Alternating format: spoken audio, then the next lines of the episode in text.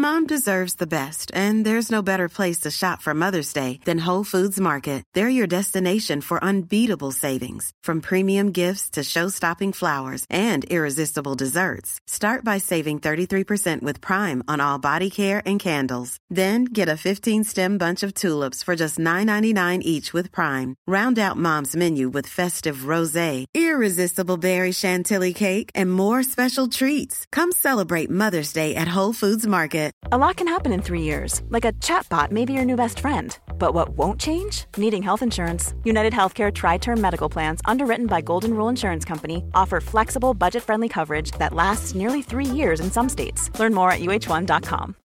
Since 2013, Bombas has donated over 100 million socks, underwear, and t shirts to those facing homelessness.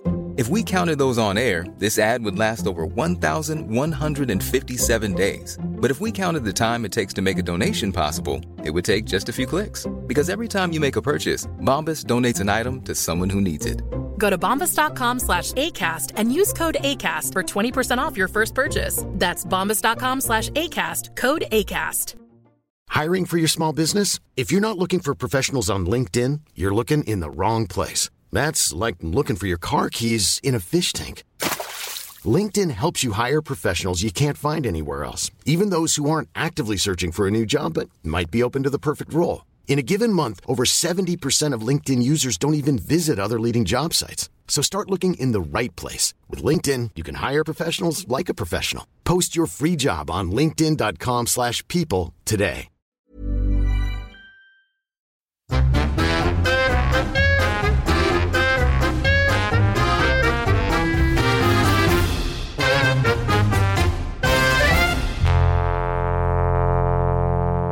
Är vi igång redan?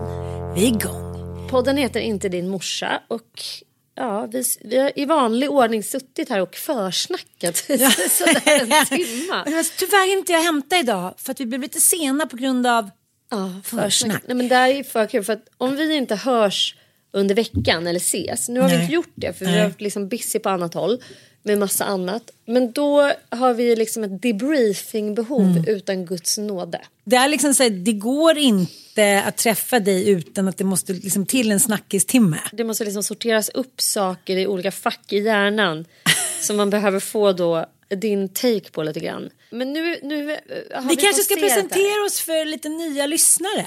Det tycker jag Ja, verkligen att vi ska. eh, vår, ja, du sa den här podden heter eh, Inte din morsa. Vi har även en liten baby, psykologi-baby som vi har fått här. Eh, som liksom, vad har den kommit ut ur?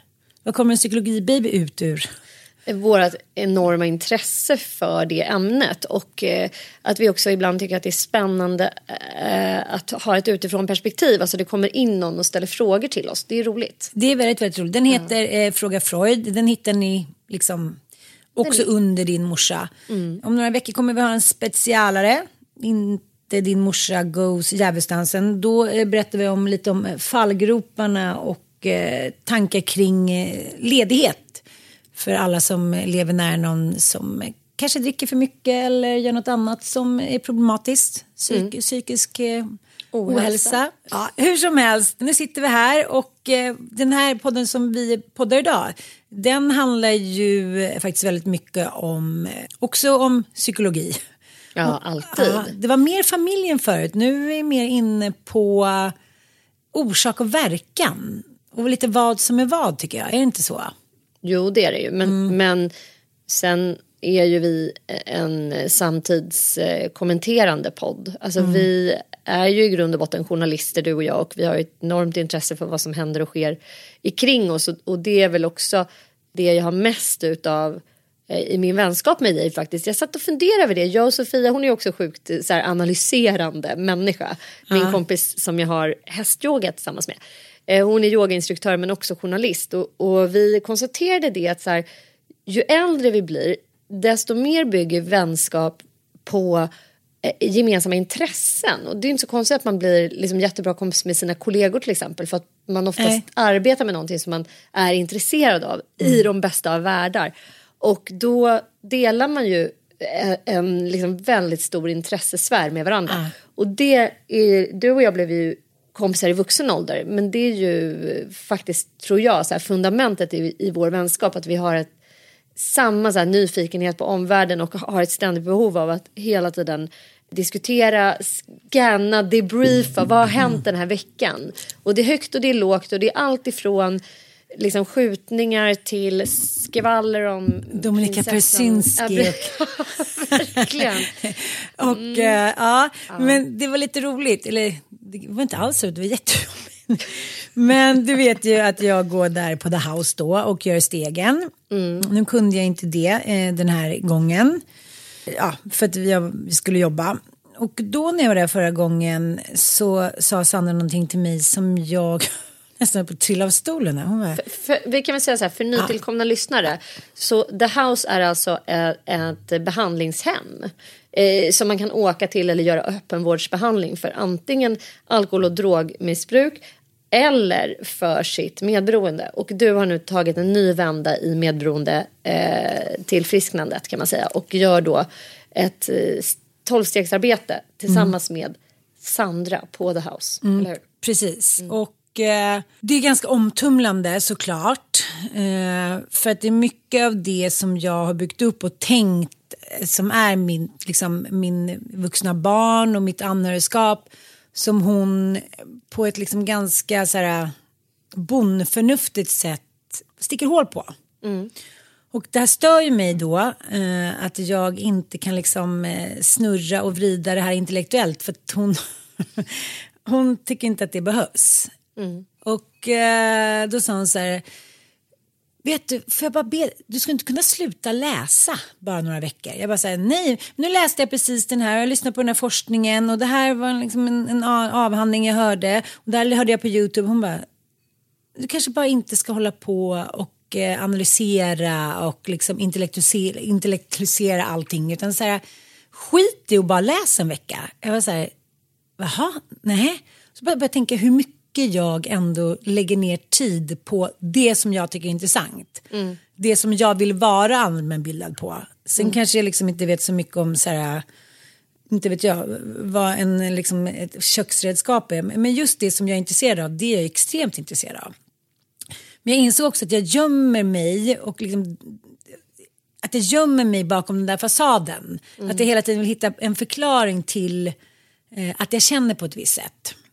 Och hon återkom också till, jag tog upp den här eh, krönikan med Hanna Hellquist du vet. Som handlade om att hon skrev, så jag fattar inte hur ni kan eh, vilja ligga med era män. Mm. Dessa liksom eh, patetiska fake-feminister som liksom bara ska ta allt limelight och eh, gladeligen se på när ni sakta men säkert går under av liksom trötthet och utmattning. Mm. Då skrev jag sen till henne att de får inte ligga så mycket. Mm. Då pratar de om den där krönikan och då kom jag på en grej som många av mina väninnor gör. Att man ändå tar på sig andras skit och ansvar. Att jag var så här, ja men det är också svårt för dem och så här, och man är ju så, kvinnor är ju så. Hon bara, gud vad du är hård mot dig själv. Du är så hård mot dig själv. Allting i ditt liv, vad du gör, dina barn, hur du har liksom varit. Så här, tänk istället på vad du har. Dina barn verkar vara fantastiska. Du har ändå liksom gjort karriär, du har massa fina vänner. Ni kvinnor är så hårda mot sig själva. Mm. Och jag har gått och tänkt lite på det där och liksom haft den där lilla så här, tentakeln uppe när jag har träffat kvinnor den här veckan. Och nu är jag inne på ett sånt mission. Jag bara ser det överallt. Jag bara, nej, det var inte ditt, det var inte ditt ansvar att, att han gjorde det där. Utan eh, han är en trygg man, eller om han inte är en trygg man, han är 50 plus, då är inte det heller ditt ansvar. Du behöver inte egoboosta honom. Han får klara av att känna sig trygg själv. Och det är ju den här jobbiga insikten tycker jag just med det här romantiserandet av allting, av relationer, av kärlek, av ditten och datten, att man då har fått iförlivat i sig att, att någon annan ska göra en lycklig. Mm. Eller att någon annan ska ta ansvar för att man ska må bra eller bli fulfilled eller hit och dit. När man väl accepterar och inser så här, det är ditt ansvar.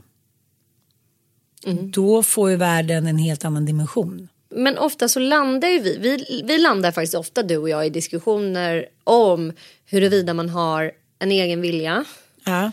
Och huruvida man har någon förmåga att välja sitt liv ja. och att skapa sitt eget liv. Mm. Och liksom, det här är ju egentligen en politisk eh, det finns ju en politisk botten i den diskussionen. Det, det är ju förstås en, en filosofisk diskussion också. Liksom, har vi en fri vilja eller är vi bara påverkade av en jävla massa olika faktorer som gör att vi tror att vi vill olika saker?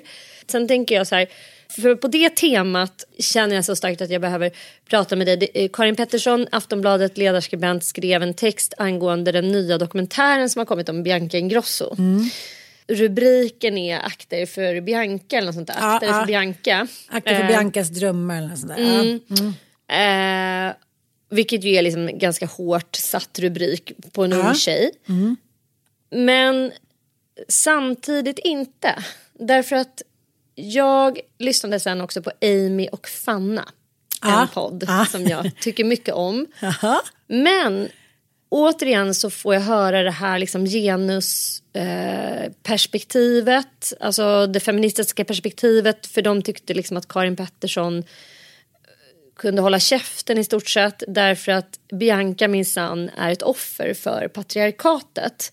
Det är därför hon är ätstörd, säljer smink eh, istället för liksom någon annan lite mer eterisk produkt och ägnar sig bara åt utseende och så vidare. Så att hon är då ett offer och jag, jag känner så starkt att så här, jag kan inte köpa den analysen. Nej, inte jag heller för fem Jag öre. kan inte det. För ja, hon är ung fortfarande. Men det händer någonting när 10 millar trillar in på bankboken. Då kan man inte längre skylla på att man är ett offer. För du har ingen som helst anledning att traska patriarkatets eller kapitalismens ärenden längre. nu behöver ju har du det. liksom ett fritt ekonomiskt val i alla fall. Att säga till dig själv att jag tänker inte bidra mer till den här utseendehetsen. Eh, jag tänker inte bidra mer till eh, att liksom sabba unga kvinnors självbild. Jag tänker inte bidra till att förstöra livet för en jävla massa unga. Eh, så. Och jag vill inte mena att Bianca eh, förstör livet. Det tycker jag också är för hårt. För då tycker jag också att man som förälder kan fostra sina barn till att så här, nej det här kommer du inte bli lycklig av. Att köpa ett Kaja Rouge eller banta dig själv till liksom vansinne. Det kommer inte leda till eh, lycka liksom. Så, så jag har nog ändå en, en jävligt stark tilltro till människans eget ansvar och förmåga till att välja annorlunda och stå emot onda krafter. För det jag tycker också med den här femini- feministiska världsbilden, den handlar ju om att man vill då förbjuda så jävla mycket som då allt, alla de här budskapen som pumpas på oss, de ska liksom förbjudas på något sätt. Eh, det ska inte finnas något ondska, det ska inte finnas våld, det ska inte finnas manligt förtryck och det ska inte finnas ja, men kapitalism helt enkelt. Allt det kan man då lagstifta bort på olika sätt eh, för att vi då ska kunna leva ett lyckligare och mer sant och sunt liv. Men jag tänker så här, det finns ondska kring människor alltid. Det kommer alltid att existera, antingen i liksom kapitalismens förklädnad eller i, i någon annan typ av förklädnad så dyker den upp där. Och eh, vår uppgift som människor är att kunna identifiera den och hålla den stången. Det är som debatten om alkoholens vara eller icke vara. Ska man få sälja det fritt eller ska man inte få göra det? Ska vi förbjuda Hashish. den? Är det liksom noll, noll tolerans för alkoholförsäljning? Tror vi att det är det som ska liksom göra människor mindre beroende av alkohol? Jag tror inte på det. Det tror inte jag heller på. Eh, Jag tror att vi måste liksom, eh, det är tryggt för oss att skylla på samhället. Liksom, vad ska man säga, både synliga eh, liksom, gifter och de som, så här, eh, gifterna som finns under marken. Men jag, jag håller faktiskt med dig. Problemet tror jag att när man är när man kommer från den världen som Bianca kommer och den generationen hon är så är jag inte säker på att man tänker att man har ett ansvar. eller läst en studie på liksom hur pass mycket psykisk ohälsa eh, faktiskt är kopplat till eh, till exempel Instagram-scrollande och så vidare. Det kommer ju liksom massor med nya studier som visar på att unga kvinnor idag mår jävligt mycket sämre än vad de gjorde för 20 år sedan. Och det går ganska tydligt att koppla det till sociala medier. Ja, De, Det uppger i alla fall barn och unga själva. ja jag vet.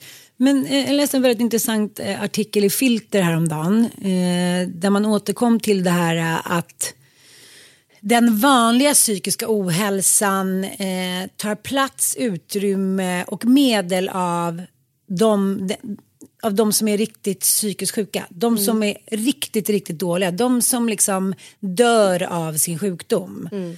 Att det som kanske var när vi var yngre, som var, ja, men som vi pratade om den mentaliteten, du får skylla dig själv om du blir biten av en hund eller om du blir liksom eh, våldtagen eller om någon blottare kommer eller liksom någon lärare klappar till dig för att du har gjort någonting så här, ja men då skulle du inte ha gjort det där då.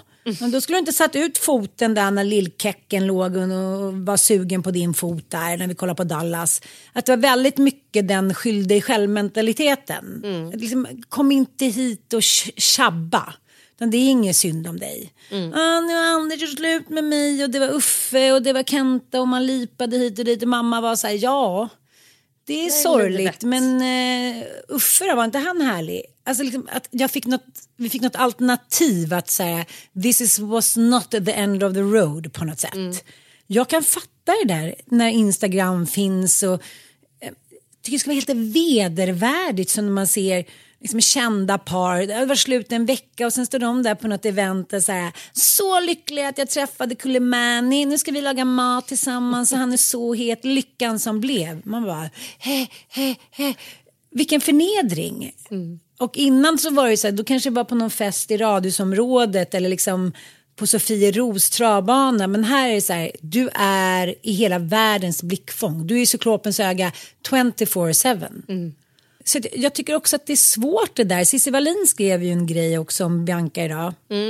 Eh, som jag också tyckte var lite hårt. Jag känner så här, ibland så blir det så fritt fram att mobba vissa människor. Och eh, då är Cissis rubrik Hon kommer krascha i sommar. Oj då. Ja, för då har ju Bianca pratat om eh, att hon ska gå hem till sin lägenhet. Det här skriver hon på sin blogg då. Eh, mitt hem glänser, jag ska gå hem till min lägenhet and I'm fucking love it. Jag är så happy, jag suktar inte efter något, jag jagar inte efter något, jag bara är. Jag är så genuint pirrig konstant, alltså konstant. Jag somnade sju morse, för jag kunde inte sova på hela natten, vaknade klockan åtta och jag är absolut inte trött. För jag är så pirrig och så kär i mitt liv. Och då menar hon på så här, efter att Cissi säger att hon kommer krascha i sommar för eftersom hon själv har haft utmattningssyndrom då. Och eh, hon har börjat intressera sig för hjärnan och man kan liksom ga gasa i tillvaron om man tror det. Eh, men, men hon skriver om ett fenomen som jag tycker känns väldigt aktuellt och även inför sommaren kanske lite mer aktuellt. Att så här, den här kraschkursen som liksom håsas och promotas för kvinnor. Att ju mer du gasar, ju mer du kör på, vare sig du är 20 eller 65, det premieras. You go, det är ungefär som en mobb. Som bara är så här, gud kvinnor, de kan hur mycket som helst, de kan göra karriär, de kan eh, föda massa barn, de är snygga, de tränar, de är liksom i Marbella, bla bla bla. Och att det är ingen som tar bladet från munnen och säger, men det där kommer ju inte funka. Du sov, du är manisk. Liksom, det är som att jag låg vaken en natt för att det var lite fullmåne, hade så mycket tankar. Det är inte för att jag är glad. Men det kan man ju förvilla för jag gick ut och plockade lite syrener. Men det är en inre stress som gör att hjärnan kokar loss. Och då tror jag så här, att den här generationen då, om, apropå ansvar. Det blir så här, de tar inte sitt ansvar å ena sidan och vi som är en äldre generation tar inte heller vårt ansvar och säger så här, gumman, ta det lugnt nu, du är jätteduktig men eh, förstår du? Så jag tycker så här, alla är inne i det här liksom, eh, vad ska man säga, crash promotion på något sätt. Vi kör tills vi stupar typ. Siste man, vi, vi ska ändå leva så kort tid och gud Men Bianca är väl själva liksom symbolen för kapitalismen skulle jag säga. Ja, så här, jag. att sälja grej med tjej, check. Ja. Alltså ingen säljer grej med tjej så mycket som Bianca. Nej. Mm. Det är också ung tjej. Alltså man projicerar produkter på en väldigt, väldigt så här, snygg, Ja. eh, ung, vacker, smal kvinnas kropp och ansikte. Mm. Och det har hon ju själv och det är ju där man menar liksom att så här, ja, men hon är bara en stackars offer för patriarkatet. Så här. Ja men Bianca är också uppvuxen i en tid när eh, till och med unga människor har fått detta, vad ska man säga, Med modersmjölken. Nej, men med, nej, men den här kunskapen fanns ju inte riktigt på vår tid. Men nu Nej. tror jag till och med att Bianca har fått höra liksom, om patriarkatet redan liksom, när hon gick i femman. Ja, det är klart. Eh, att man vet om det och att man har möjlighet att välja en annan eh, stig, en, ett annat ID om man känner för det. Det är ju som när man går liksom, har artistdrömmar. Antingen så kör man liksom indie och slår sig in från sidan och liksom skapar sig någon form av så här konstnärsidentitet eh, identitet, liksom, går in i ett helt annat fält av eh, musicerandet. Eller så går jag på att bli liksom idolstjärna. Det är klart att det finns ett val där. För att eh, unga människor gör ju ständigt det valet. Och jag tror inte det bara har att göra med huruvida man är snygg eller ful, tjock eller smal. Alltså det Nej. är ändå någon så här, vad är jag sugen på? Mm, tjäna jättemycket pengar och bli miljardär. Eller typ eh, bli liksom, få jättemycket kulturellt kapital. Det är, liksom de, det, är det valet man har. Ja. Och hon var mer sugen på pengar. Helt klart. Det är väl det liksom vänstern hånar Bianca för. Och, och, och, och tycker liksom att så här, you did it, du valde själv. Då, då kommer vi alltid att eh, kunna mobba dig och skälla på dig. Tycka Men om vi själva får chansen att köpa den här bostadsrätten, då gör, Då vi gör det. vi det. Så att jag tycker så att det är sånt jävla hyckleri hela tiden. Det är så otroligt hyckleri Ja. liksom. Så att jag... För jag, menar, det är också så här, jag blir också rätt trött på att så här, fritt fram att hata Bianca. Nej, 90% av allt som Bianca får är, består av det består av hyllningsrop. Avgudadyrkan. Avgudadyrkan. Flickor som är avundsjuka vill se ut som hon och kan ge uttryck då i någon typ av så här hat. Men det är liksom på stalkernivå, besatthet. Plus att det bara regnar ju pengar över henne. Så nej, det är inte så mycket hat som man vill få det att framstå. Sen tror jag man upplever det precis som den här studien som vi hänvisade till förra, eh, eller förra, förra podden att liksom en motgång upplever vi som otroligt mycket värre än framgång. Så hon, hon, den här framgången har hon bara vant sig vid och sen så kommer det något litet så här hat då blåses det upp liksom och blir överjordiskt stort för henne. För det var något citat där i en intervju med DN. Så här, det är fritt fram att hata om man kommer från familjen Wahlgren. Jag skulle säga tvärtom. Det är tydligen fritt fram att bli liksom miljardär när man har Wahlgren som efternamn. Alla de här ungarna är råprivilegierade och har liksom enorm framgång. Både ekonomiskt och alltså så här, talangmässigt. Och det är inget snack om saken. Alla har ju liksom medfödd född talang som de har kunnat f- lyckas förvalta också. Men jag menar att laga mat. Nej, Benjamin Ingrosso är inte bättre på det än någon annan liksom, Nej. 16-åring. Utan han heter Wahlgren Ingrosso i efternamn och då får han göra det och får liksom extremt mycket kärlek och pengar för det. Så att eh, både och. Och liksom, jag tänker också Nej, men- på du, någonting. vi pratade om det där med, eh, liksom, eh, du, eller vi båda tänkte det med, med, med Charles. Att det är så här, sluta gnäll för fan. Nej men jag, bara, så här, liksom, jag vill bara gå dit och knäppa någon på näsan. Ja. Typ så här. Mm, ska vi sitta här med kröningen? Nej, nu orkar inte jag skriva. Nu blev det någonting med bläcket. Att det är så här, då. Ja, det så känner jag med Bianca också. Stäng ner Instagram. Ja. Stäng ner Youtube. Alltså det, nej, du behöver inte göra det här. Nej. Du kan säga nej tack, jag vill bli sjuksköterska istället. Men, men vill jag förstår den där känslan lite som idrottsmän pratar om. Att man har, liksom, man har tränat, det är dopamin, det är endorfiner, det Mm. är liksom ditten, det är tävling. Och sen bara så här, okej Leffe, nu ska du sälja eh, dammsugarstycken, munstycken. Du och Brolin, käka lite glass tufft. också. Att man så här, det där kan man ju känna igen bara man haft en föreläsning, bara man har poddat är man ju uppe liksom. Mm. Och sen blir man utskiten och säger, jaha, var det inte mer nu då? Okej, nej. Att liksom leva i det som också Carola gjort, att alltid ha från så tidig ålder ett entourage. Mm. Människor som, så att man är en jävla kunglighet. Mm. Det är så här, det är Marie Antofucking-Nett. Du blir aldrig ifrågasatt. Eh, man har kompisar som liksom man har anställt eh, så att de är liksom beroende alla är i en beroendeposition och då får man bara ja-sägare. Så man är ju fysiskt heller aldrig för sig själv. Nej. Så då, det kan jag känna igen mig liksom, när man var yngre och sen så hade man kompisar hela tiden. Så plötsligt så var det så här, "Nej, men vi ska ut till landet med mamma och pappa. Jag var så här, nej men vad ska jag göra?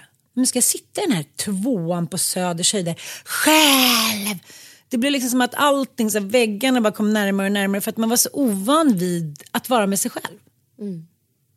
Så att det, är liksom, det är så svårt för henne på så många sätt. Men vi måste ändå säga tillsammans i en tvåhörad kör. Det är inte synd om någon Wahlgren Ingrosso. Millions of people have lost weight with personalized plans from Noom. Like Evan, who can't stand salads and still lost 50 pounds. Salads generally for most people are the easy button, right? For me, that wasn't an option. I never really was a salad guy. That's just not who I am. But Noom worked for me. Get your personalized plan today at Noom.com. Real Noom user compensated to provide their story. In four weeks, the typical Noom user can expect to lose one to two pounds per week. Individual results may vary. This Mother's Day, celebrate the extraordinary women in your life with a heartfelt gift from Blue Nile. Whether it's for your mom, a mother figure, or yourself as a mom, find that perfect piece to express your love and appreciation. Explore Blue Nile's exquisite pearls and mesmerizing gemstones that she's sure to love. Enjoy fast shipping options like guaranteed free shipping and returns. Make this Mother's Day unforgettable with a piece from Blue Nile. Right now, get up to 50% off at BlueNile.com. That's BlueNile.com. Quality sleep is essential. That's why the Sleep Number Smart Bed is designed for your ever evolving sleep needs. Need a bed that's firmer or softer on either side? Helps you sleep at a comfortable temperature? Sleep Number Smart Beds let you individualize your comfort so you sleep better together. JD Power ranks Sleep Number number 1 in customer satisfaction with mattresses purchased in-store. And now, save 50% on the Sleep Number limited edition Smart Bed for a limited time. For JD Power 2023 award information, visit jdpower.com/awards. Only at a Sleep Number store or sleepnumber.com. Hey, it's Paige DeSorbo from Giggly Squad. High quality fashion without the price tag. Say hello to Quince. I'm snagging high-end essentials like cozy cashmere sweaters, sleek leather jackets, fine jewelry, and so much more. With Quince being 50 to 80% less than similar brands. And they partner with factories that prioritize safe, ethical, and responsible manufacturing. I love that. Luxury quality within reach. Go to quince.com slash style to get free shipping and 365 day returns on your next order. Quince.com slash style.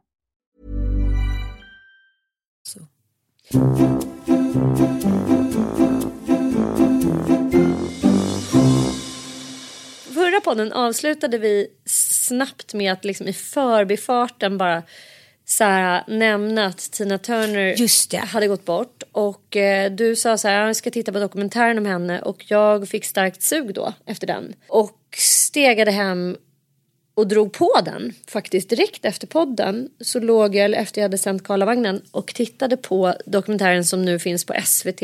Kan varmt rekommendera den.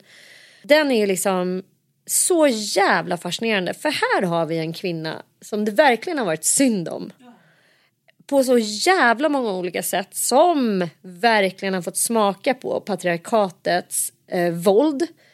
På liksom klassamhällets våld, på rasism. Alltså alla typer av strukturellt förtryck har drabbat denna kvinna. Hon har fått liksom en dos av allt som Mm, Av finns. Allt liksom. Och hon har ändå som en fucking force of nature bara liksom tagit sig upp, slagit sig fram med en helt sjuk talang, måste man säga, och viljestyrka så har hon ändå tagit sig till toppen. Alltså det är helt bisarrt hur hon alltså kommer bokstavligen från eh, ett föräldrahem, alltså en ursprungsfamilj som är bomullsplockare på en arrendatorgård. Hennes mamma är liksom känslomässigt frånvarande och helt vidrig och pappan är också eh, känslomässigt frånvarande och våldsam. Båda föräldrarna bestämmer sig bara för att dra när hon är liten. Eh, så hon får klara sig själv tillsammans med sina syskon och sin kusin i det här riktigt skabbiga lilla liksom, torftiga huset i amerikanska södern med bomullsfälten där utanför och det enda som finns det heter Nutbush tror jag den hette eh, den här lilla hålan det är en, gospelkör i en kyrka i en baptistkyrka där hon får sjunga liksom.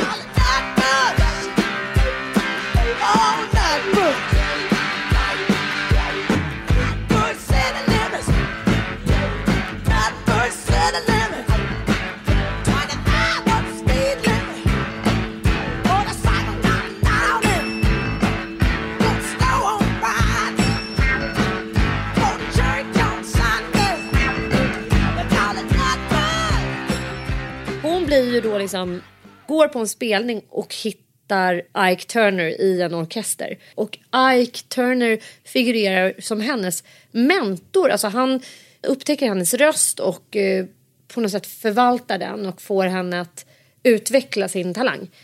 Och sen slår han liksom klorna i henne när han förstår att publiken vill ha henne, att hon har en extraordinär gåva och att han eh, liksom kommer fördubbla sin framgång. Jajamensan.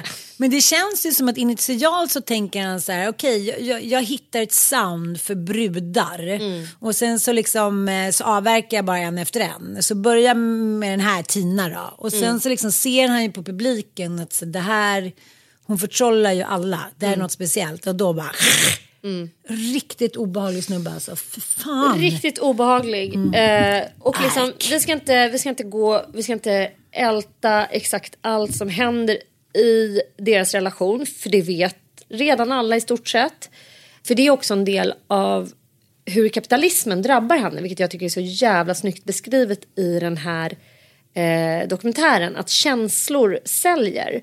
Så när hon äntligen förmår lämna Ike Turner så har hon liksom inget liv. Alltså hon får hanka sig fram som någon slags så här turnerande, gå runt och så dansa och sjunga covers på så här små barer och så liksom. Hon blir inte alls, jag trodde ju liksom att hon bara lämnade honom och sen blev det Direkt, liksom, What's ja. love got to do with it eh, direkt. Men det är många år där hon lever på så här ruinens brant och inte vet vad hon ska ta vägen liksom.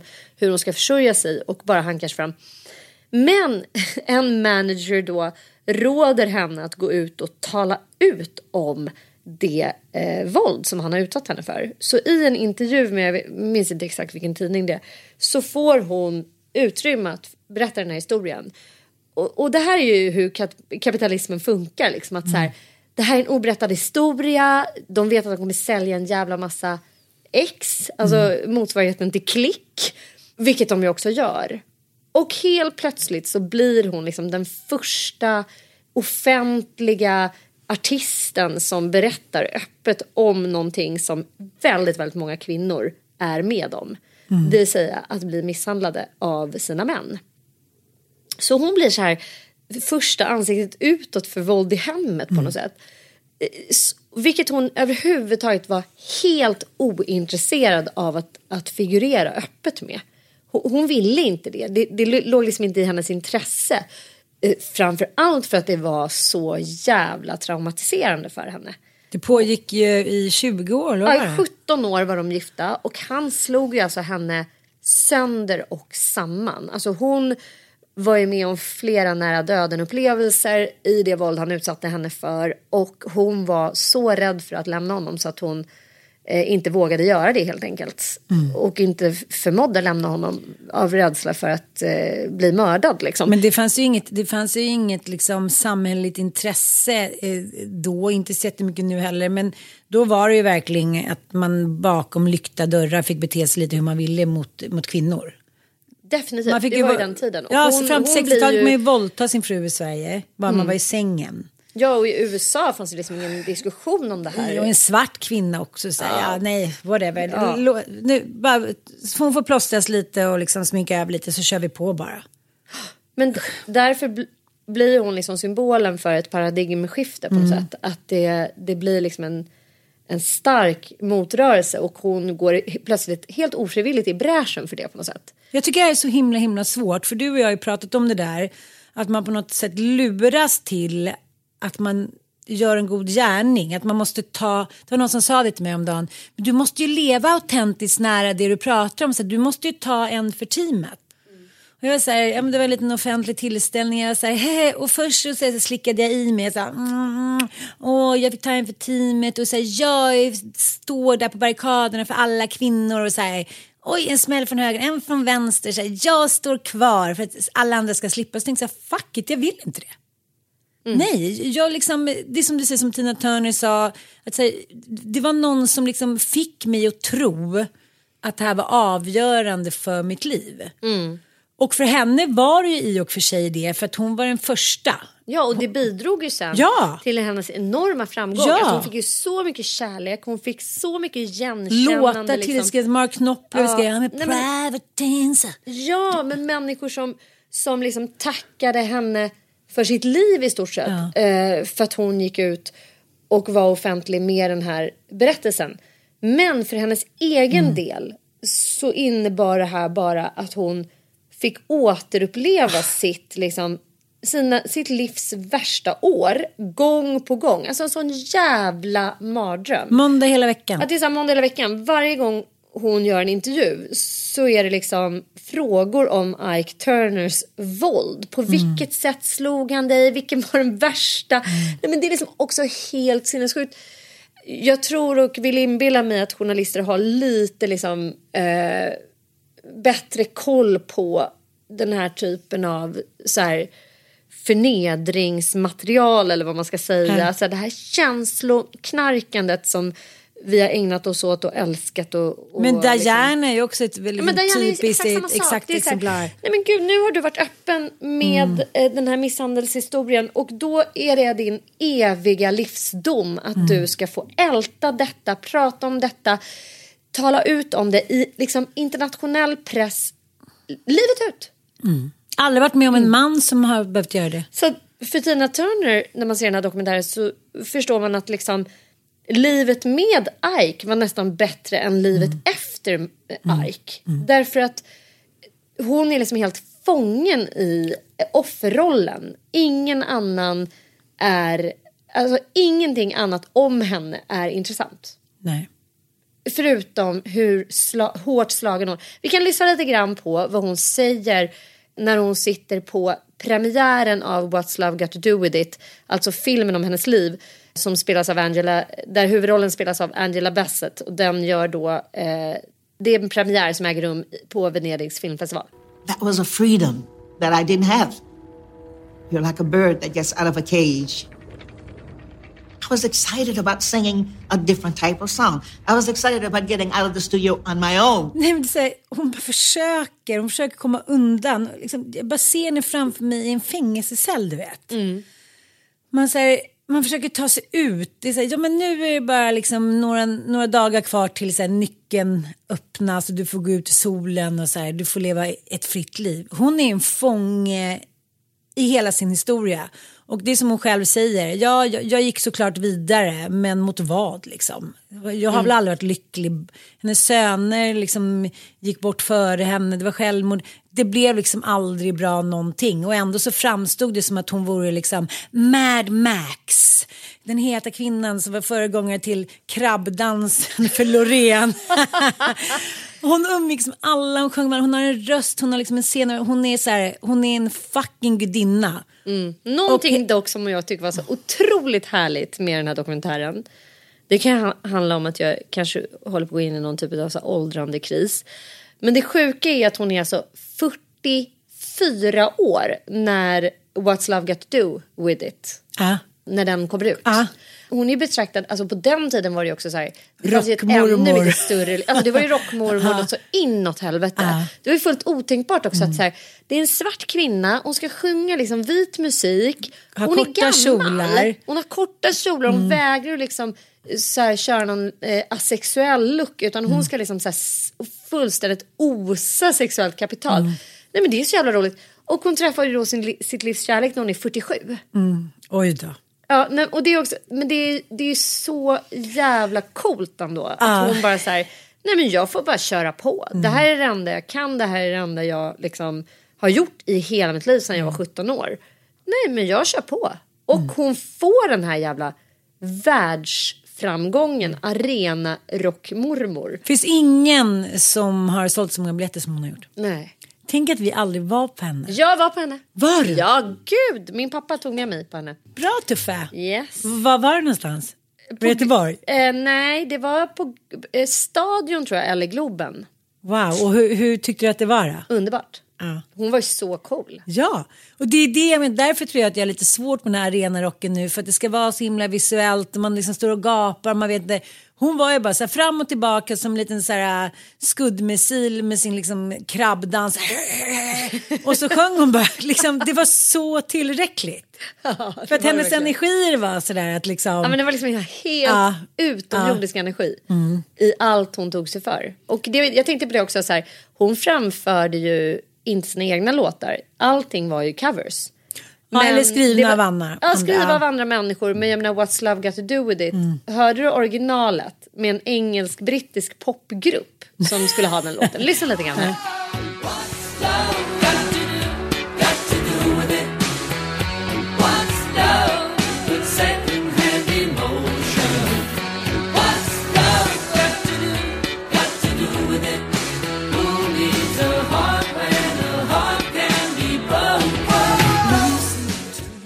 Jaha. Nej, men alltså, det är så roligt. Ann. Har du inte hört det? Nej! Det är några så här, så här What's love? Med så lite reggae-toner. Det är liksom en helt annan låt. Så att allt hon rörde vid och framförde blev ju hon. Alltså hon, hon, hade, hon har en sån omisskännlig röst och sån energi som bara gör allt till hennes på något sätt. Kondolianserna som skrevs då, som alltid förskrivs lite eftersom hon hade varit sjuk länge. Hon var ju på väg att eh, avsluta sitt liv i Schweiz. På sån här För egen maskin eller? Ja, på en dödsklinik. Men sen så, eh, ja, hon fick testa någon ny medicin eller liksom stamceller så då, då liksom körde hon på några år till. Men då är det så kul att liksom, kvinnor bara hyllar henne förutsättningslöst, liksom, förbehållslöst. De är så här, du har liksom gjort så mycket för mig i mitt liv, du har inspirerat mig, jag har inte fattat det nu när jag kommer ihåg när jag lyssnade på den här bla bla. Medan liksom, många männen skrev så här, det var politiskt. Du fick ta en för teamet bra. De, vill liksom, de vet inte riktigt hur de ska hylla henne. De bara så här, okej, formulär 1A. Politik va? Ja. och så här, ja, det- soundet är ju lite daterat och så här. Jag bara, hell no. Nej. Du vet, jag älskar all hennes musik. Jag vet inte hur många gånger jag har stått och sjungit. Tina Turner-afton. Ja, till Private Nancy. Jag älskar Ah. det. Och det är Mark Knopfler som har skrivit den. Ja, det är inte klokt. Ja, jag tycker så här, nej det är inte daterat överhuvudtaget. Allt hon har gjort är liksom tidlöst tycker jag. Och det beror mycket på den där bisarra rösten. Jag kan liksom inte jämföra med något annat för den är ju inte, den är inte klockers. Den är också raspig. Det är väldigt raspigt. Det är någonting Ja. väldigt så här, det känns som att hon kanske har någon så här liten lung emfysem som ligger där och skrapar. Men du har ju återkommit till det där, liksom, eh, inte så, nu har jag inte hört dig säga det på ett tag, men det var några år sedan du kände nej men nu orkar inte jag svara på en fråga till om det här. Alltså jag funderar ju mycket på det. det. Det var faktiskt det jag tänkte på och ville fråga dig om Mm. eh, efter att jag såg den här dokumentären. Alltså både du och jag har ju valt att vara transparenta och öppna med vår bakgrund och vilka vi är och vad vi har med oss i vårt journalistiska värv. Alltså man brukar säga så här eh, skriver du in dig själv i texten? Har du liksom en byline-bild som, där du syns? Alltså så här, och det var ju något val jag gjorde 2009. Innan dess var jag ganska så anonym. Men så fick jag frågan om att börja blogga på mamma och insåg plötsligt att så här, nu blir jag någon. Alltså nu, nu kommer jag behöva berätta vem jag är. Och jag tyckte jag såg en enorm jävla frihet i det. Att jag får bestämma hur jag ska uppfattas, hur jag ska läsas, hur jag ska tolkas. Jag kan ge svar på tal, jag har min egen röst. Så jävla befriande. Och det tycker jag med den här podden också.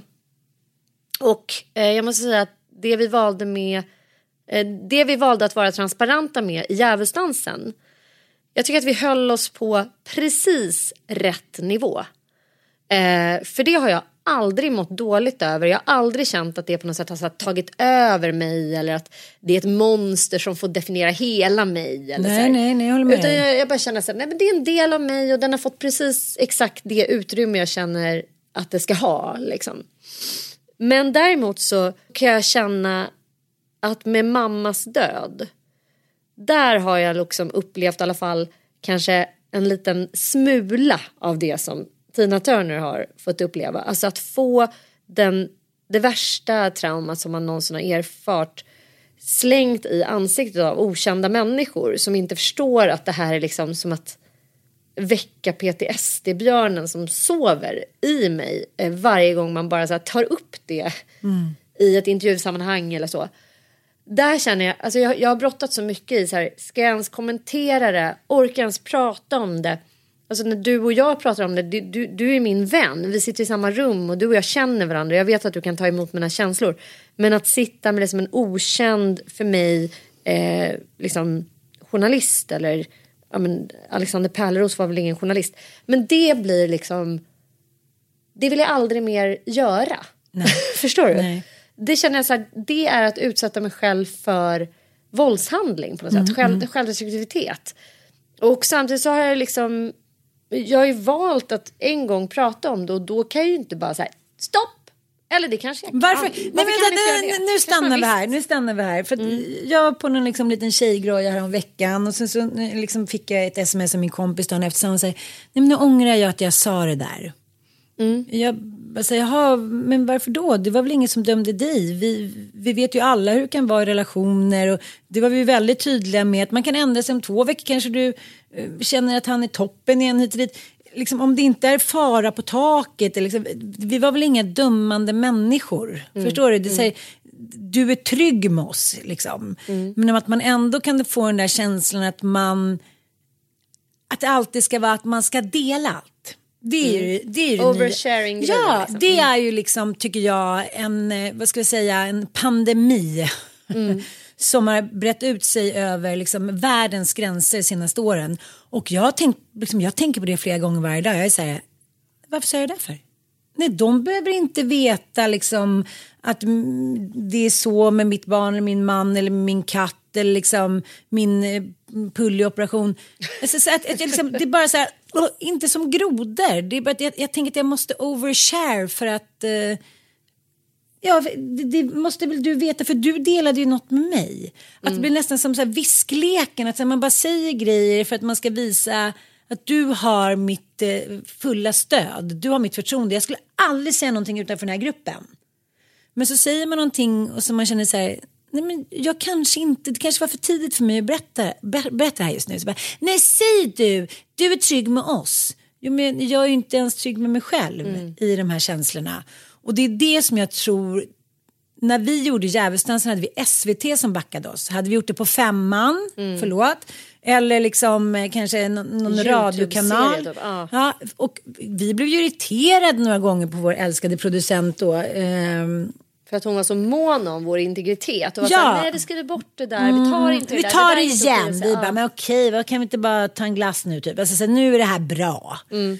Eh, och vi fick verkligen känna efter och vi fick spika det själva och vi fick titta på det. Det var liksom en avvägning som gjorde också att vi växte in i det. Lite som att vi faktiskt gick och var gravida i typ nio Mm. Ja, månader. men det var det verkligen. Ja, och jag tänker det som pågår nu mycket i sociala medier vilket gör att man då ska vara redaktör, man ska vara stylist, man ska vara liksom politisk, man ska vara moralisk, man ska liksom ta ansvar för ett helt jävla mediahus. Mm. Med en bild på Instagram. När jag tänker på vår podd, eh, där tänk, alltså jag har aldrig känt så här, det här var oversharing, varför sa jag det där? Faktiskt inte om någonting. Nej, okej. Därför att vi har möjlighet att varje vecka fylla på bilden om oss själva. Alltså vi är inte bara eh, en dysfunktionell barndom. Eller vi är inte bara, eh, jag är inte bara min mammas eh, självmord eller liksom självmordsöverlevare. Utan jag får vara allt, allt annat också som vi är. Men det är just i intervjusammanhang och det har ju att göra med att eh, jag är själv, vi är ju själva journalister. Alltså när vi gör research då läser vi redan publicerade texter. Så det är därför ofta blir en återupprepning av redan eh, berättat material. Alltså som med Tina Turner att så här, det enda hon får prata om är Ikes våld. Istället för att fråga liksom hur gör du när du skriver en låt? Hur har det varit att vara mamma samtidigt som man har fostrat två? Alltså det finns ju tusen andra grejer som man vill fråga Ja, vad- vilka politiska frågor är viktiga för dig? Ja, hur tränar du för att hålla dig så fit? Alltså, det finns ju så Det vill jag mycket. veta. Ja, jag vill veta hur dansar du med de där klackarna på scenen? Ja, Säg det bara. sen läste jag också liksom att hon, hennes njursvikt som hon ju dog av, eller hon fick ju en njure av sin eh, make, berodde på att hon ignorerade att hon hade högt blodtryck till följd av hög stress förstås. I så många år. Hon bara sket i det. Alltså alla sådana saker vill man prata med henne om. Det, det finns så jävla mycket som man känner att att man har missat att fråga Tina Turner för att man har gjort lat research. Eller bara helt och hållet så här grottat in sig på den här idén om att det här är det enda som kommer få klick. Hur jävla brutalt misshandlad hon har blivit och på vilka sätt. Ja, det här är sjukt spännande tänker jag. Jag tycker att, har du någon gång ångrat att du har varit transparent kring något ämne? Är det något där du känner så här, nej jag vill inte prata om min fittoperation en gång till. Jag vill inte snacka om min eh, exmans typ drogfylla. Eh, jag vill inte snacka om min, alltså vad det nu kan vara.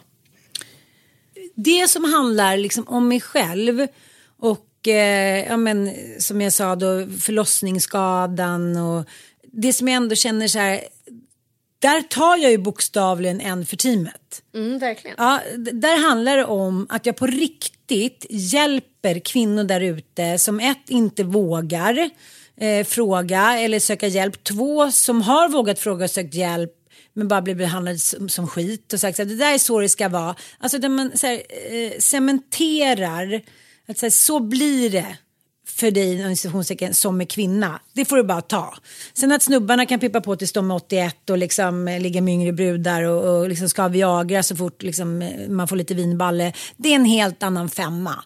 Så där har jag bara känt så här, hell yeah det har känts så himla bra och inte så här hehe och nu ska jag kanske gå ut och dejta någon ska veta hon nej liksom ingenting sånt. Det har bara varit så okej okay, du hör av dig du bara skickar en video där du gråter nu så sökte jag hjälp igen och mitt liv har fått ny mening. Jag inser att det är en fråga som är mycket större än vad samhället vill erkänna liksom. Och att mm. vi själva kanske inte förstår Eh, som jag tänkte på alla den här liksom, ja, men, antidepressiva ADHD-medicinen, känslor som ska tryckas ner, toppar och dalar som ska bort, eh, hur det påverkar våra relation. Ja, men där måste jag ändå säga att du har visat sunt liksom bara där egenvårds nej men vet jag, jag tänker när du säger om ADHD medicineringen för jag vet ju att du fick din diagnos långt före du delade med dig om det offentligt ja. mm. och din medicinering och har du ju inte heller liksom gått in på. Så där måste jag säga att du har visat jävligt sunt förnuft. Mm.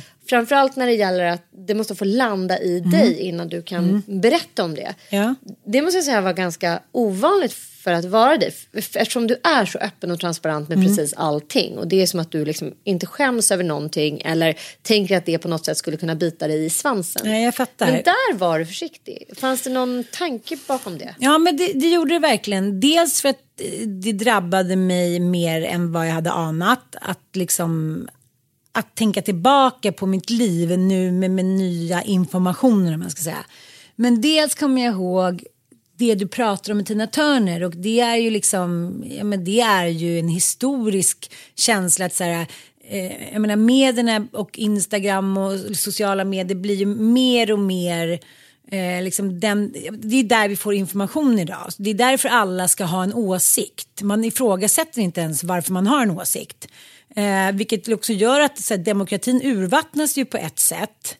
När eh, liksom, starkast och snyggast röst eh, på något sätt bestämmer vad som är rätt och riktigt. Det är ju inte längre de smartaste i samhället som liksom sätter riktlinjerna. Mm. Jag läste någon ny forskning att det är så här det är inte längre de eh, mest framgångsrika och de högst IQ och bäst jobb utan det är de precis där under som har liksom eh, mest pengar och nivåer. Det är de som sätter riktlinjerna i samhället. Vilket gör att du neddegraderar ju samhället direkt. För att vissa människor måste få sitta på sina höga hästar. För att det är de människorna som är the fittest. Och det är de som ser till att vi survive. Och då eh, tänkte jag på det där att alla hela tiden ska ha en åsikt och vad det liksom till slut leder till. Ja men till exempel, vi vill inte nämna några namn men att kanske en ung tjej då har åsikter om någonting som hon kanske inte har landat i. Tänk till exempel ADHD-diagnos eller eh, ätstörningar eller utseendehets vad det handlar om. Och sen så har de jättemånga följare och så blir deras liksom, åsikt en sanning. Mm. För att liksom, de rösterna som försöker ifrågasätta det eller på något sätt nyansera det, de drunknar i kapitalismen, skönheten, ungdomen på något sätt. Om vi nu ska ta Bianca Ingrosso. Mm. Så det var väl det som jag tyckte hände med mitt ex, inte liksom, eh, ja men XX. Ja. Mm. att jag, jag var som ett liksom läckande såll. Jag var så sårbar, jag mådde så dåligt så jag trodde att det här var ett sätt till salvation. Förstår du? Mm. Att om jag bara delar med mig av det här då kommer det liksom automatiskt bli att jag klarar av min situation och jobba och flytta och vara en god mor. Men till slut så satt jag ju bara som en jävla papegoja. Som just en, så här, vad ska man säga, en barnstjärna. Och så här, jag vet inte ens vad jag sa. Jag bara liksom gav pöben det de vill ha. Och jag bara, jag bara gick igenom det där bara för någon vecka sedan. Det vill säga rubriker. Jag var så här, Ann Södner skulle leta efter någon bild till Ilon student. Och då kommer de där artiklarna upp som jag gjorde väldigt liksom färskt efter vi separerade. Jag tror till och med var att vi blev ihop igen sen och en gång till och så här. Och då är det liksom sådana flagranta rubriker så att jag, eh, jag säger att jag ville bara hoppa från en bro. Det ville jag säkert inte då, men när jag läser det där så vill jag det. För jag känner så här, jag får sån skamsköljning av att jag bara sa saker som skulle liksom, bra tv, förstår du vad jag menar? Jag hoppar från bro, jag har kämpat så hårt för min familj och liksom hela tiden så var jag så rättrådig, jag var så säker. Det är väldigt Rickard Olsson-känsla på det hela. Man får uttrycka sig så. Ja, och då tänker jag att liksom att när man är så där säker, då är man så jävla osäker. Och då kände jag så här, gud, det är bara så lätt att se igenom det där. Och, eh, Och att man vill vara liksom till lags. Ja. När man har en publik och man har människor som tycker om en och som känner att de är nära en och så här, då vill man liksom vara bjuckig och man vill fortsätta i samma transparenta öppna anda. Fast man kanske inte själv är medveten om vad man är med om som du säger. Man har liksom inte hunnit landa i var befinner jag mig, hur känner jag mig, hur mår jag? Eh, och det är såklart alltid fascinerande med människor som vågar prata och känna transparent när de är mitt i någonting. Men det är sällan det landar bra sen i en själv. Det blir ofta skamsköljning. Ja, och man tittar eh, tillbaka. ja, jag tänkte fan ett år där? av liksom magiskt tänkande. När man läser om den så är det så som vi återkommer till samma sak. Så här, att man liksom, man är inte sig själv. Man, liksom, man hamnar i en ny verklighet som är en mardröm. Och i det där så ska folk komma och liksom, eh, man ska ändå vara smart och ta beslut och säga hur man mår. Och fast man bara, det enda man sitter och tänker är så här, ta den jag älskar tillbaka, ta den jag älskar tillbaka. Finns det någonting jag kan göra? Magiskt tänkande kanske gör. Om jag känner doften av den. Eh, jag kommer ihåg att jag hade väldigt mycket den känslan när mamma gick bort med hennes parfym och hennes liksom eh, morgonrock. Och jag bara tänkte så här, jag kan ha kvar henne lite till. Jag kommer ihåg också att jag kröp ner i hennes säng efter hon hade dött liksom, på sjukhuset. Jag tänkte så här, om jag bara ligger kvar här liksom, på något magiskt sätt så kommer hon börja leva igen. Det är, liksom, det, är en, det är en känsla som aldrig går att beskriva eller förklara för någon som inte varit med om det. Man har inte den där metafysiska liksom, mötet med alla människor heller. Utan det är några få som du kanske med din mamma och jag med min mamma. Men, men, men det är en känsla som inte går att beskriva. Den är ju liksom inte riktigt mänsklig. Och då tänker jag att i den här världen då där man ska vara till lags eh, som du säger, så här, men då kan man ju inte ändra som jag hade berättat om mammas självmord och då måste jag ju prata om det. Varför då? Nej, men jag ska, ja precis, för att logiken i min värld är ju så här, jag, jag har fått ompröva den. Men för mig så var det liksom så här, okej, pappa skrev om mammas dödsorsak i sin roman Vardagar. Det var liksom så jag beslutade mig för att men då, jag kan inte låta han, honom vara den ensamma berättaren.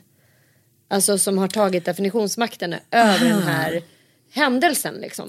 Jag och därför be- bestämde jag mig för att, ja, men, och, och jag fick ju också frågor om det förstås. Därför att folk har ju läst den här vardagar. Och då blir det så märkligt för mig som har varit transparent med allt annat att säga fast där går gränsen, det vill jag inte kommentera.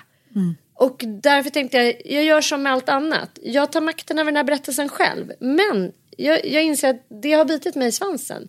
Jag behöver inte berätta för en enda jävla om det här som jag inte känner klarar av att hantera mina känslor. Och så länge det fortsätter att göra ont så finns det liksom ingen anledning för mig att så här, jag, har fått, eh, vilket jag är stolt över, för jag har blivit approachad av olika så här, organisationer som jobbar med efterlevande, alltså Suicide Zero och SPES. Liksom. Hej, skulle du vilja medverka i en podd eller skulle du vilja göra det?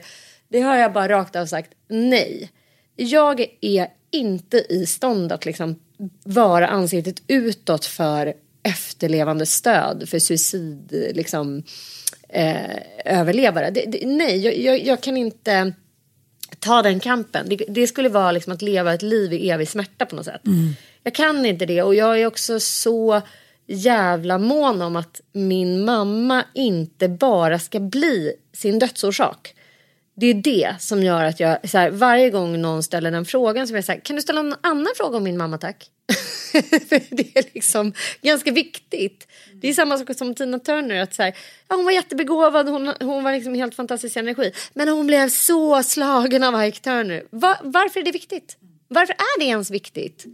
Egentligen i hennes liv. Jag tror att det var någonting som hon blev tokig på. Hennes jävla energi och hennes pipa och röst hade ju liksom noll procent att göra med det våld hon tvingades utstå.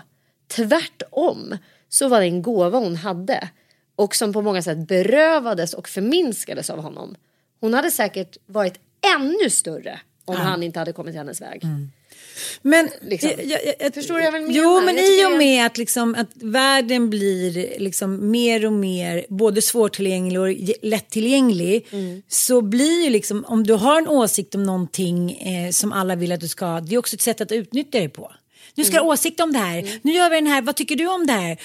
The Gallup, the poll. Men det är ingen som någonsin läser resultatet. Och det är bara viktigt att du ska ha en jävla ja. åsikt hela tiden. Ju mer du känner och tycker om saker desto mer läst och klickad blir du. Ja. Det är också kapitalismens liksom Klokt, ja, och i en värld då där många mår dåligt, många känner sig ensamma, de tycker inte att man har någon att prata med, det är ensamhushåll, man är så här, det är inte viktigt att vara sjuksköterska men det är viktigt att vara influencer. Mm. Då är man ju också som tacksamt offer. Ah, nu ska jag få ha en åsikt om någonting, så här, okej, okay, vad vill du att jag ska rapa upp? Mm. Och eh, om vi ska knyta ihop säcken och gå tillbaka till Bianca eh, Ingrosso som har en otrolig makt så blir det ju då att eh, hon har ju en åsikt kring sin kapitalism, att den är då eh, bostad av att hon är ung, cool, självständig tjej. Mm. Men om hon var en ung, cool, eh, självständig tjej, det är hon ju också, men om det bara var så, eh, då skulle hon ju sova gott om natten, förlåt men Så jag, jag, tycker att det där är svårt. Eh, jag tänkte att jag skulle öva på att inte ha någon åsikt en vecka. Härligt Dan. Att bara så här, lycka okay. till. jag säger lycka till mig själv också. Nej jag vet men man bara säger ibland kan jag känna så här vad ska jag nu ha en åsikt om? Det där tycker jag att jag ska ha en åsikt om. Nu ska liksom... jag ge dig någonting som jag vill att du ska ha en åsikt om. Så ska vi se om du klarar det. Det mm. första. Jag lyssnade på Sigge och Alex podd i vanlig ordning. Det är en rutin eh, av få som jag har i mitt liv. Att göra det varje gång jag åker hem från min Karlavagnssändning.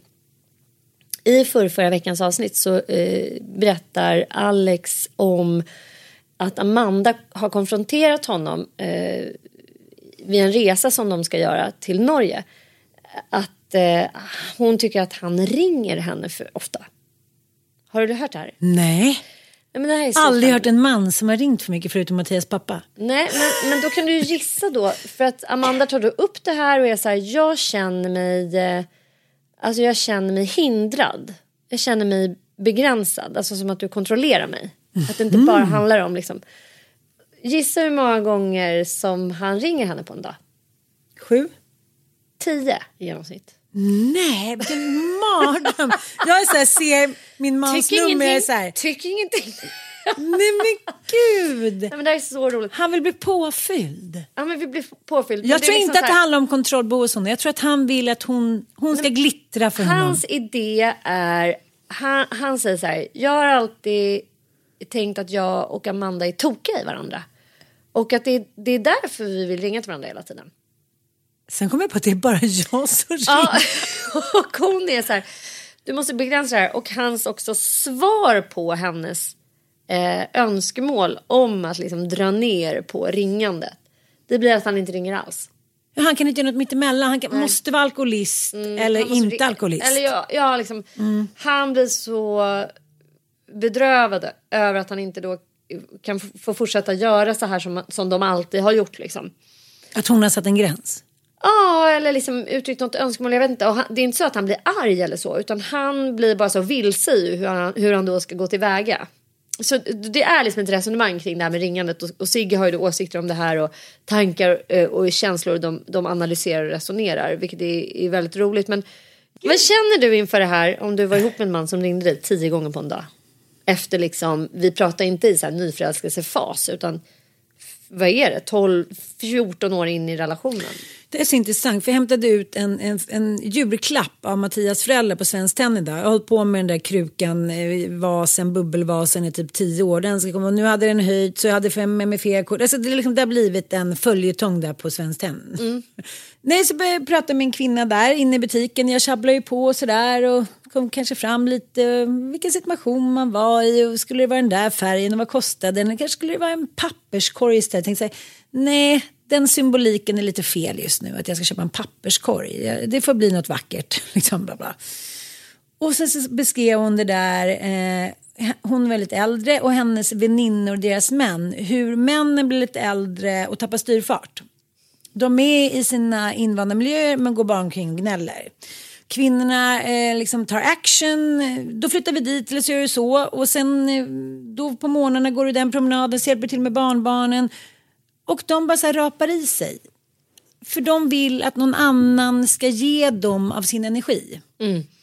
Och det tror jag, jag har också haft killkompisar som eh, blir helt chockade när, liksom, när man är allt för varandra under första förälskelsetiden. Och sen så blir kvinnan, säger, ja vi ska inte alltid sova ihop, vi kan sova utan varandra, nu ska jag på tjejhelg. Vi skulle ju alltid vara det skulle alltid vara du och jag och vi skulle vara tokiga i varandra. Och sen så har man inte ens känt efter själv om det fortfarande är så utan man bara liksom reagerar via någon autopilot för att man tänker så här, det är så här det ska vara. Så vi ska vara nöjda. Vi ska inte ändra på det. Och sen så är det som att någon bara liksom eh, krossar glastaket. Så vet du, jag pallar inte, vi kan inte låtsas som att det ska vara så. här. Det går inte.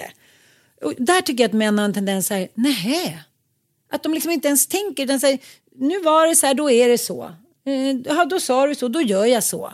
Och därför blir de så förvirrade och skamsna tror jag. Men tio gånger per dag, nej men herregud. Min pappa kunde ju vara sådär. Hålla på och småringa hela tiden. Till slut, du vet, jag fick så här PTSD, jag bara, köris, nej det är pappa typ. Så, nej, ska jag svara? Jag var så här, Ja, mamma kunde också hålla på och ringa så här sjukt mycket. Och Mattias kände jag bara pappa så här, också så här hetsringer. ingenting att göra idag. Så här. Alltså, det är väl det det handlar om. Ja, någon som bara behöver fyllas liksom av någonting. Men det känns ju jättemärkligt eftersom Alex verkligen verkar ha mycket Det är det på sin agenda. Det är liksom poddar, det är här, böcker ska skrivas, tre barn ska hämtas och lämnas på dagis.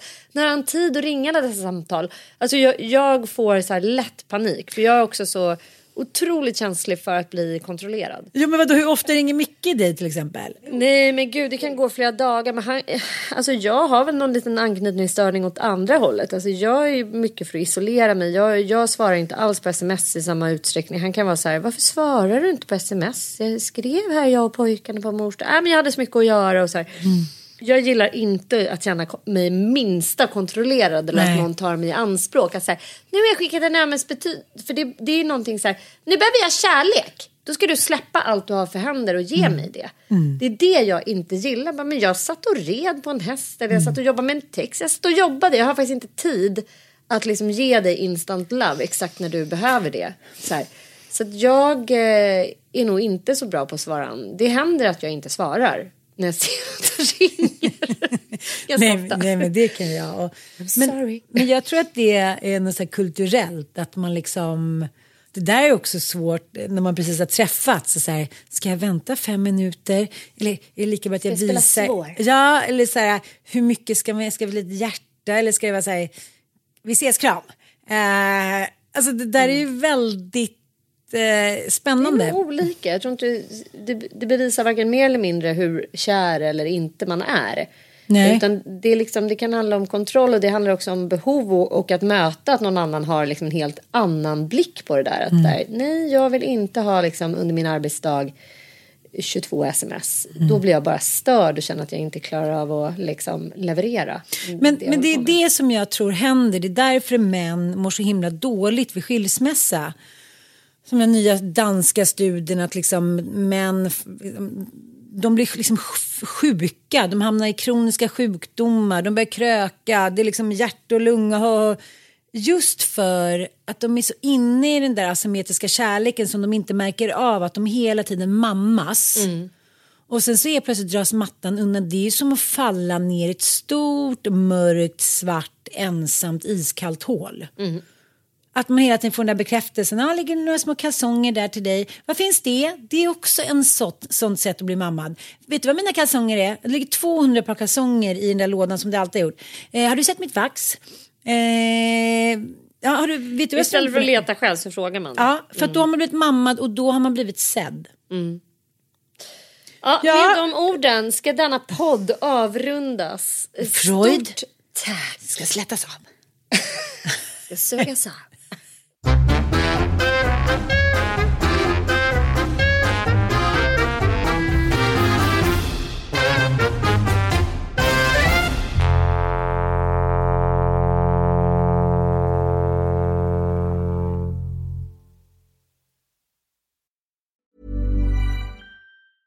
Mom deserves the best, and there's no better place to shop for Mother's Day than Whole Foods Market. They're your destination for unbeatable savings, from premium gifts to show-stopping flowers and irresistible desserts. Start by saving 33% with Prime on all body care and candles. Then get a 15-stem bunch of tulips for just $9.99 each with Prime. Round out Mom's menu with festive rosé, irresistible berry chantilly cake, and more special treats. Come celebrate Mother's Day at Whole Foods Market. Planning for your next trip? Elevate your travel style with Quince. Quince has all the jet setting essentials you'll want for your next getaway, like European linen, premium luggage options, buttery soft Italian leather bags, and so much more. And is all priced at 50 to 80% less than similar brands. Plus, Quince only works with factories that use safe and ethical manufacturing practices. Pack your bags with high-quality essentials you'll be wearing for vacations to come with Quince. Go to quince.com/pack for free shipping and 365-day returns. Hi, I'm Daniel, founder of Pretty Litter. Did you know cats tend to hide symptoms of sickness and pain? I learned this the hard way after losing my cat Gingy. So I created Pretty Litter, a health monitoring litter that helps detect early signs of illness by changing colors, saving you money and potentially your cat's life. Pretty Litter is veterinarian developed, and it's the easiest way to keep tabs on your fur baby's health right at home. Go to prettylitter.com and use code ACAST for 20% off your first order and a free cat toy. Terms and conditions apply. See site for details.